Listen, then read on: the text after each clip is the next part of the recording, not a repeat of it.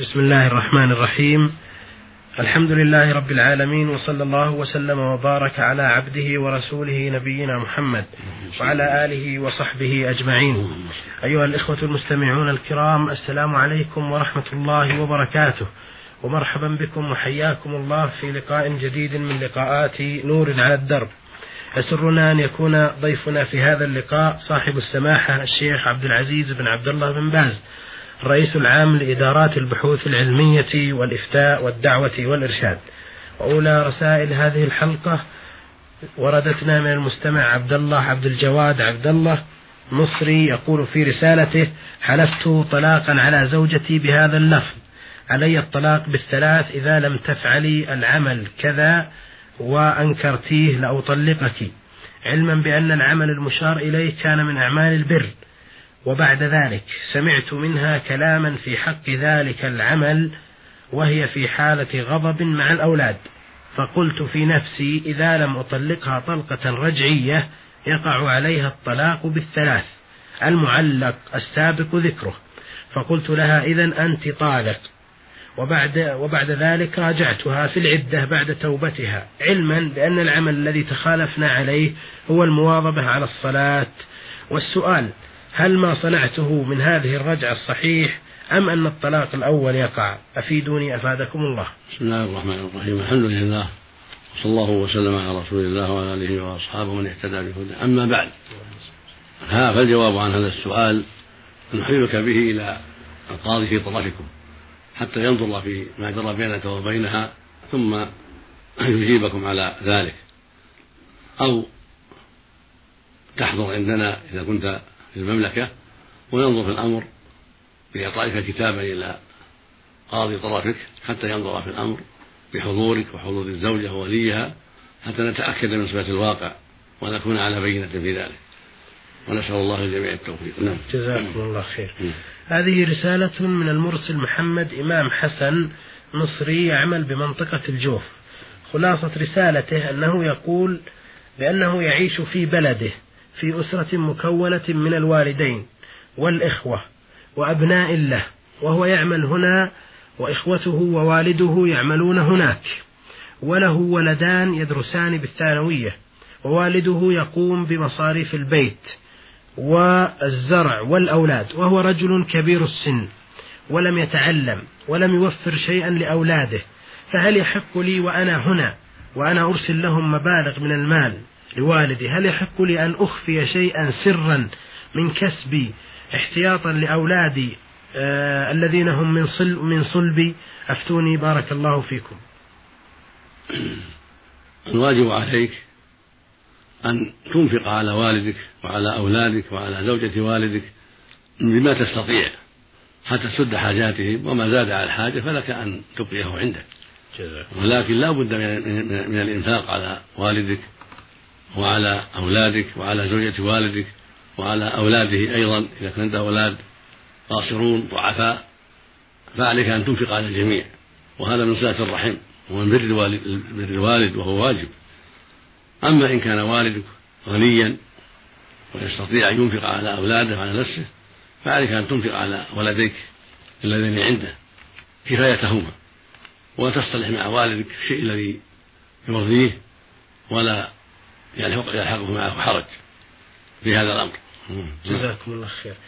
آه له سؤال ثان في رسالته يقول أنا أحفظ القرآن الكريم وكل صباح أقرأ سورة ياسين والواقعة وفي الختام أهدي قراءة الفاتحة إلى رسول الله صلى الله عليه وسلم وآل بيته وفاتحة أخرى لجميع النبيين والصديقين والمسلمين وفاتحة أخرى لوالدي ولكل من له حق علي وفاتحة لأبنائي وأبناء المسلمين.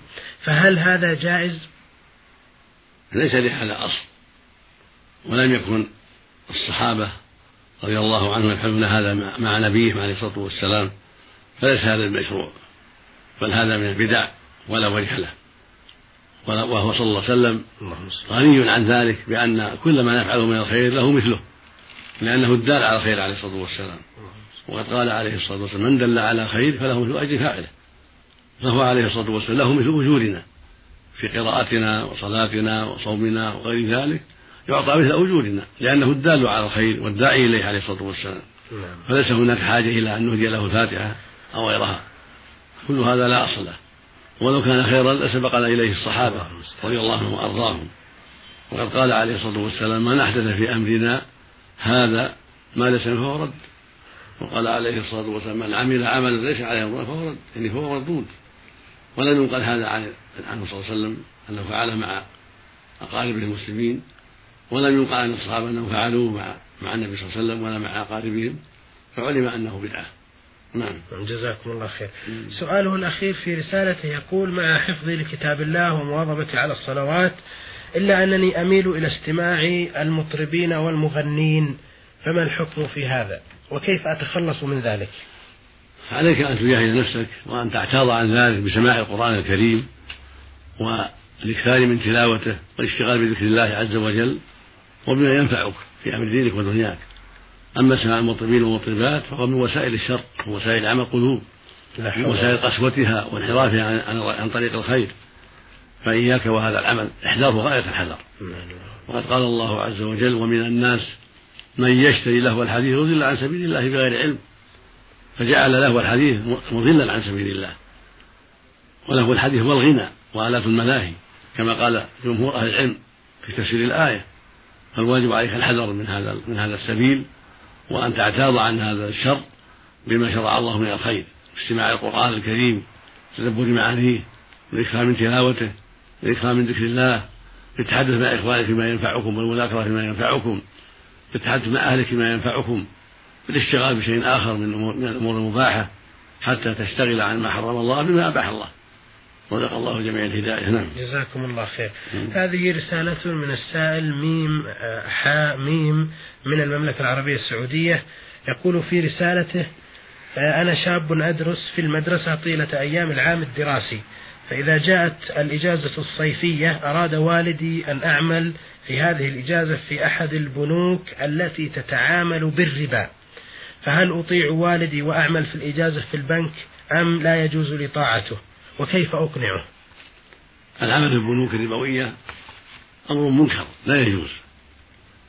والله, صل... والله جل وعلا قد وسع الطريق ويسر الأمر ولم يجعل مكاسب الناس محصورة في الحرام. بل جعل لهم مكاسب كثيرة كلها حلال.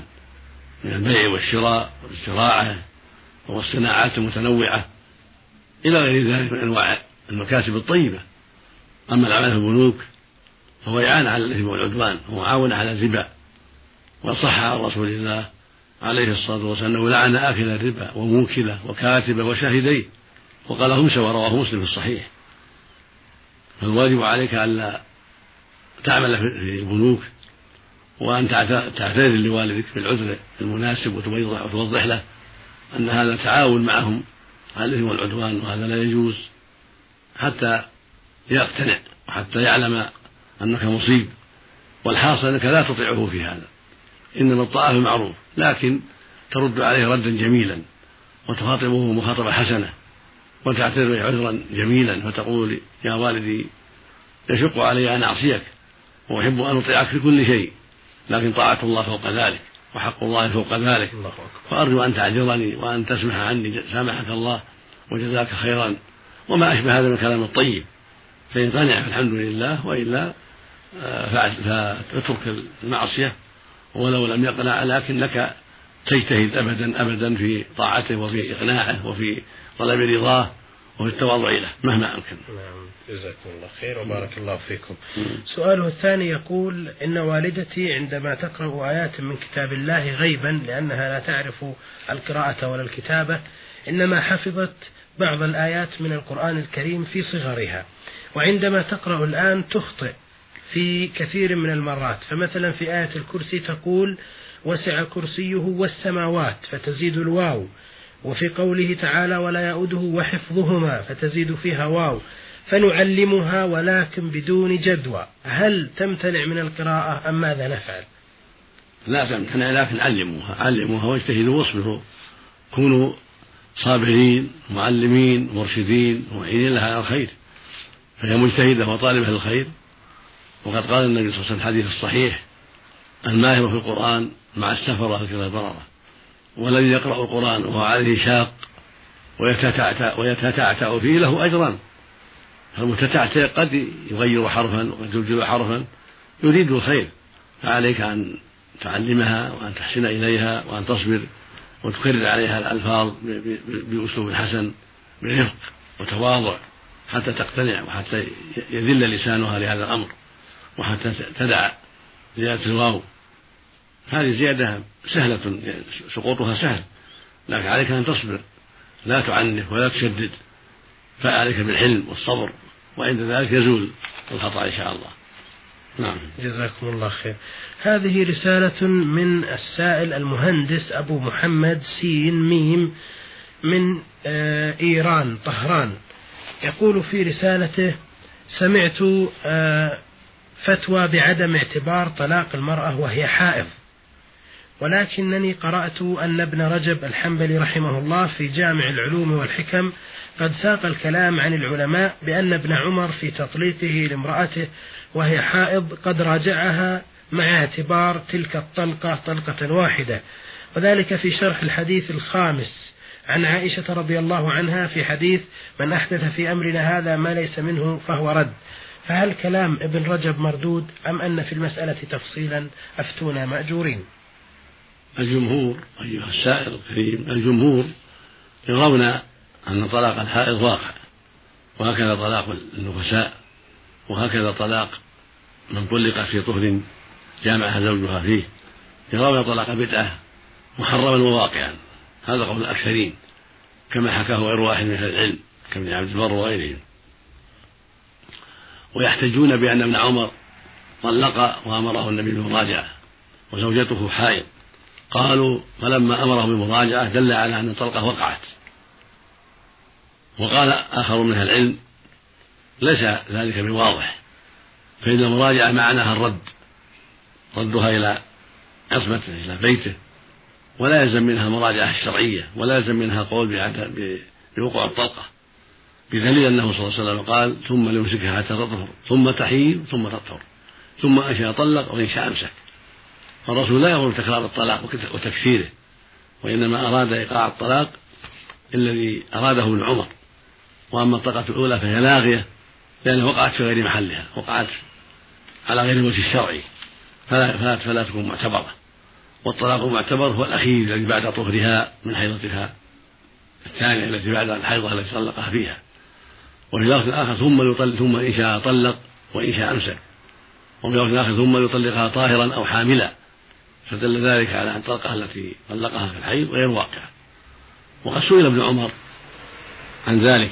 سأله رجل فقال يا أبا عبد الرحمن رجل طلق امرأته وهي حائض أيعتد بها؟ فقال له لا يعتد بها وهو نفس الذي وقعت عليه قصة. رواه محمد بن عبد السلام الخشني بإسناد صحيح عن ابن عمر أنه سئل عن ذلك فقال لا يقع وهو صاحب القصة.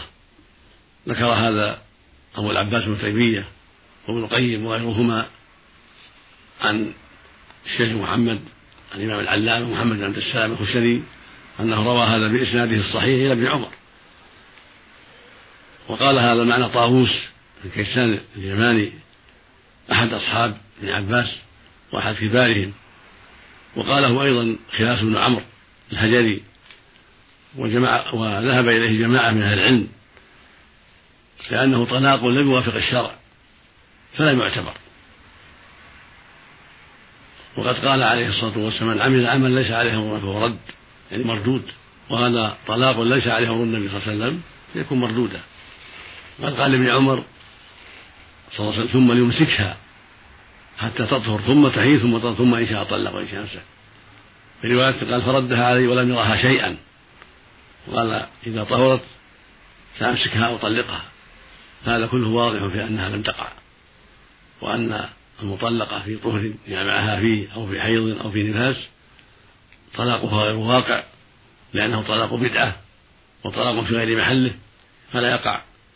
وهذا هو الذي أفتى به أبو العباس بن تيمية وابن القيم وجماعة آخر من العلم أخذا بحديث عمر نفسه وبفتواه رضي الله عنه ورحمه. أما ما جاء بعض الروايات أنه احتسبها أو أنها حسبت عليه هذا ليس بواضح أنهم بأمر النبي صلى الله عليه وسلم وإنما أخذ من اجتهاده رضي الله عنه حسبها باجتهاده ثم بان له بعد ذلك أن احتسابها غير واقع وغير مناسب فلهذا أفتى بأنها لا تقع. نعم. جزاكم الله خير وبارك الله فيكم. أما كلام ابن رجب فلم أطلع عليه ولا أذكره. وعلى كل حال إن كان ابن رجب قال إنه يقع فهو جرى على ما قاله الأكثرون. ولكن شيخه ابن القيم وشيخ شيخه أبو العباس بن تيمية قال إنه لا يقع. وهما أعلم من ابن رجب وأبصر بدين الله وأبصر بالسنة. نعم. جزاكم الله خير. هذه رسالة من الأخ محمد حماد عبد الباقي من جمهورية مصر العربية من الفيوم. آه الأخ محمد آه حماد غيور جزاه الله خير أرسل لنا سؤالا يقول فيه ما الإثم الذي يقع على بائع آه الحلويات وتسالي الأطفال الذين يبيعون أو يلفون مبيعاتهم في مثل الورق المكتوب عليه كلام الله عز وجل أو كلام آه، أو كلام علم شرعي. وأرفق لنا جزاه الله خير ورقة فيها آه، آية من كتاب الله الكريم وتفسير لها. فيقول ما هو الإثم الذي يقع عليهم وهل لا نصحتموهم؟ الإثم على من استخدم الصحف والأوراق التي فيها ذكر الله أو آيات من القرآن سواء استخدمها في لف أطعمة أو في لف حاجات أخرى أو جعلها سفرة فوقها الطعام كل ذلك منكر ولا يجوز. ونبهنا على هذا مرات كثيرة في الصحف المحلية وغيرها. فالواجب على كل مسلم أن يحذر هذا الشيء وأن يكون عنده من احترام كتاب الله واحترام أسماء الله ما يزجره عن هذا العمل. كالجرائد وغيرها من الأوراق التي فيها آيات قرآنية أو فيها ذكر الله أو الصلاة على النبي صلى الله عليه وسلم أو شيء من أسماء الله الواجب أن لا يستعملها ملاف ولا سفرة ولا غير هذا مما يهينها. لكن إذا حك منها أسماء الله أو قطع ما فيه أسماء الله ولم يقع إلا شيء ليس فيه أسماء الله وليس فيه آيات فلا بأس. نعم. جزاكم الله خير. هذه رسالة من الأخت المستمعة نون ها عين آه لم تذكر عنوانا تقول في رسالتها قبل ثلاثة أشهر قمت بإجراء عملية استئصال اللوزتين وقال الطبيب إن علي أن أنتظر يوما كاملا قبل بدء, بدء العملية. وفي ولكنني كشفت شعري وخلعت الحجاب وشاهدني الطبيب وبعض الشباب الذين يزورون مرضاهم. وكثير من المرضى أو من المريضات يبقين كاشفات وهن على أسرة المرض بحجة أنه ليس على المريض حرج. فأفتونا بارك الله فيكم. هذا غلط. تأويل آيات الله بغير حق. ليس عليه مرض ليس على المريض حرج في الجهاد وما يحتاج إلى عمل لا يطيقه. كما أنه ليس عليه حرج إذا صلى قاعدا إذا عجز عن القيام أو صلى على جنبه إذا عجز عن القعود. أما كونه كون المرأة تبرز مفاتنها أو تكشف وجهها أو شعرها هذا عليها فيه حرج وإن كانت مريضة ليس لها ذلك. إلا إذا غلبها المرض ولم تشعر زال شعورها فهي معذورة. أما ما دام شعورها معها تعقل فالواجب عليها أن تستر شعرها أو وجهها وبدنها عن الطبيب وعن غير الطبيب. إلا عند الحاجة إذا احتاج الطبيب ينظر إلى محل الألم. كشفت له محل الألم فإذا فرغ سترت ذلك عنه وعن غيره. فالكشف إنه بقدر الحاجة للطبيب. إذا كان الألم في فمها كشفت له فمها. الألم في يدها كشفت له يدها. الألم في وجهها كشفت له وجهها جزء من وجهها كجبهتها وغيره. في رجلها أعطته رجلها كشفت رجلها. أما الممرضون والزوار فلا حق له في هذا يجب الستر عنهم. ولا يجوز التساهل في هذا الأمر فذلك منكر ظاهر. نعم الله المستعان. جزاكم الله خير. هذه رسالة من السائل محمد خلف الجمهورية العراقية محافظة التأميم قضاء الحويجة. يقول في رسالته لقد بعت أرضا لي بمبلغ معين وبعد سبع سنوات أصبحت في حاجة لهذه الأرض فأردت أن أدفع ثمن الشراء للمشتري وأستردها لكنه رفض. وبعدما عرضت الأمر على السلطة المحلية أمرته بالتخلي عن زراعة الأرض آه، وحجتها أنه لا يملك سندا قانونيا بذلك. وعليه فهي لي قانونا لكنني أنتظر حكم الشرع. فما فبماذا تفتونني؟ مع العلم بأنني مستعد لأن أتنازل له عن محصول البستان الذي زرعه في دنم منها لمدة عشر سنوات. ما دمت أيها الأخ تعترف بأنك بعتها عليه فليس لك حق في أخذها منه إلا برضاه هبة أو شراء. أما أن تأخذها منه بقوة أو بالسلطان فهذا ظلم وعدوان. ولو ساعدك السلطان فالسلطان حينئذ ظالم معك. فلا يجوز لك أن أن تأخذها بالظلم وبقوة السلطان بقوانين باطلة وآراء فاسدة. لا. بل يجب عليك أن تحترم ما جرى منك من البيع وتدعها في يد صاحبها الشرعي ويعطيك ويعطيك الله أفضل منها وخيرا منها. ومن يتق الله يجعل له مخرجا. ومن يتق الله يجعل له من أمره يسرا. إلا إذا رضي ببيعها عليك برأس المال أو بأقل أو بأكثر أو أعطاك إياها عطية فلا بأس. أما الظلم فلا. يقول النبي صلى الله عليه وسلم اتقوا الظلم فإن الظلم ظلمات يوم القيامة. ويقول عليه الصلاة والسلام إن دماءكم وأموالكم وأعراضكم عليكم حرام. كحرمة يومكم هذا في شهركم هذا في بلادكم هذا. فاتق الله واحذر. نعم. جزاكم الله خير. وهذه رسالة من المرسل علي سيد منصور جمهورية مصر العربية الوادي الجديد الداخلة. يقول آه، في رسالته هل يوجد أصل للطرق الصوفية في الإسلام مثل الطريقة الرفاعية آه، الخلوتية والبيومية والشاذلية؟ وماذا يجب علينا أن نفعل تجاه هذه الطرق خاصة أن بعض الجهلاء يقولون بأنه لا يصح التعبد إلا إذا كان للإنسان شيخ. ليس للطرق الصوفية أصل في الشرع فيما نعلم.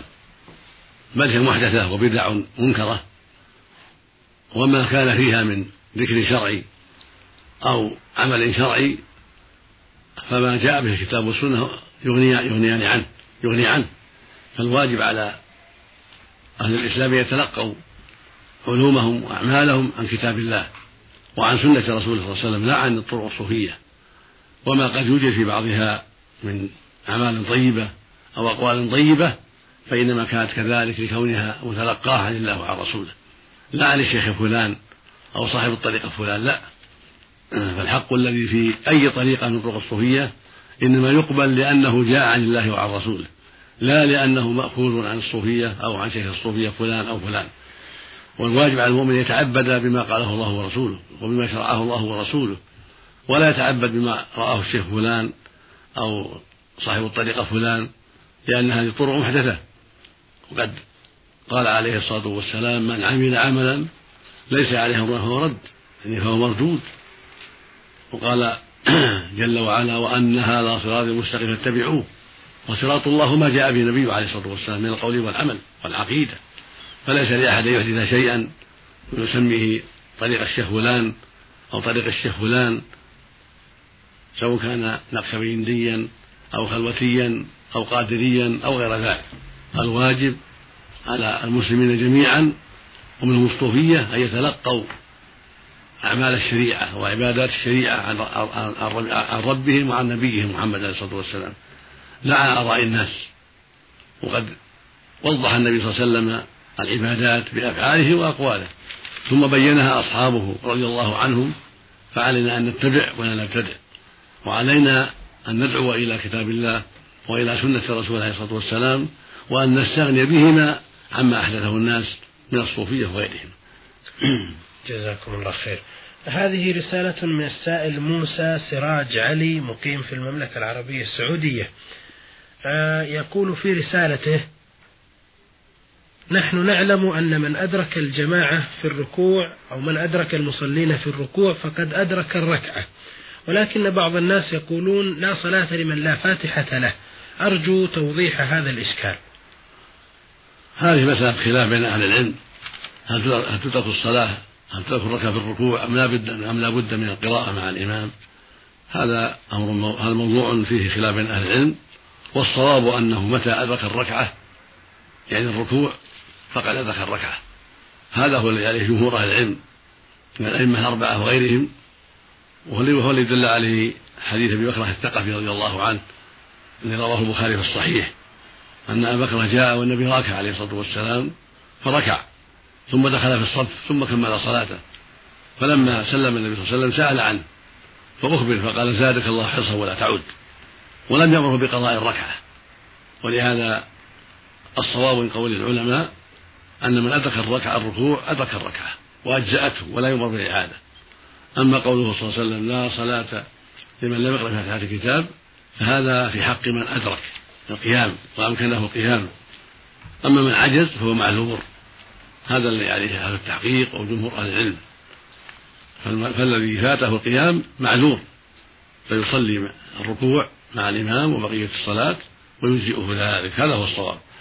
نعم. بارك الله فيكم. وهذه رسالة من السائل الأخ أحمد أبو حامد من الرياض. له فيها سؤالان.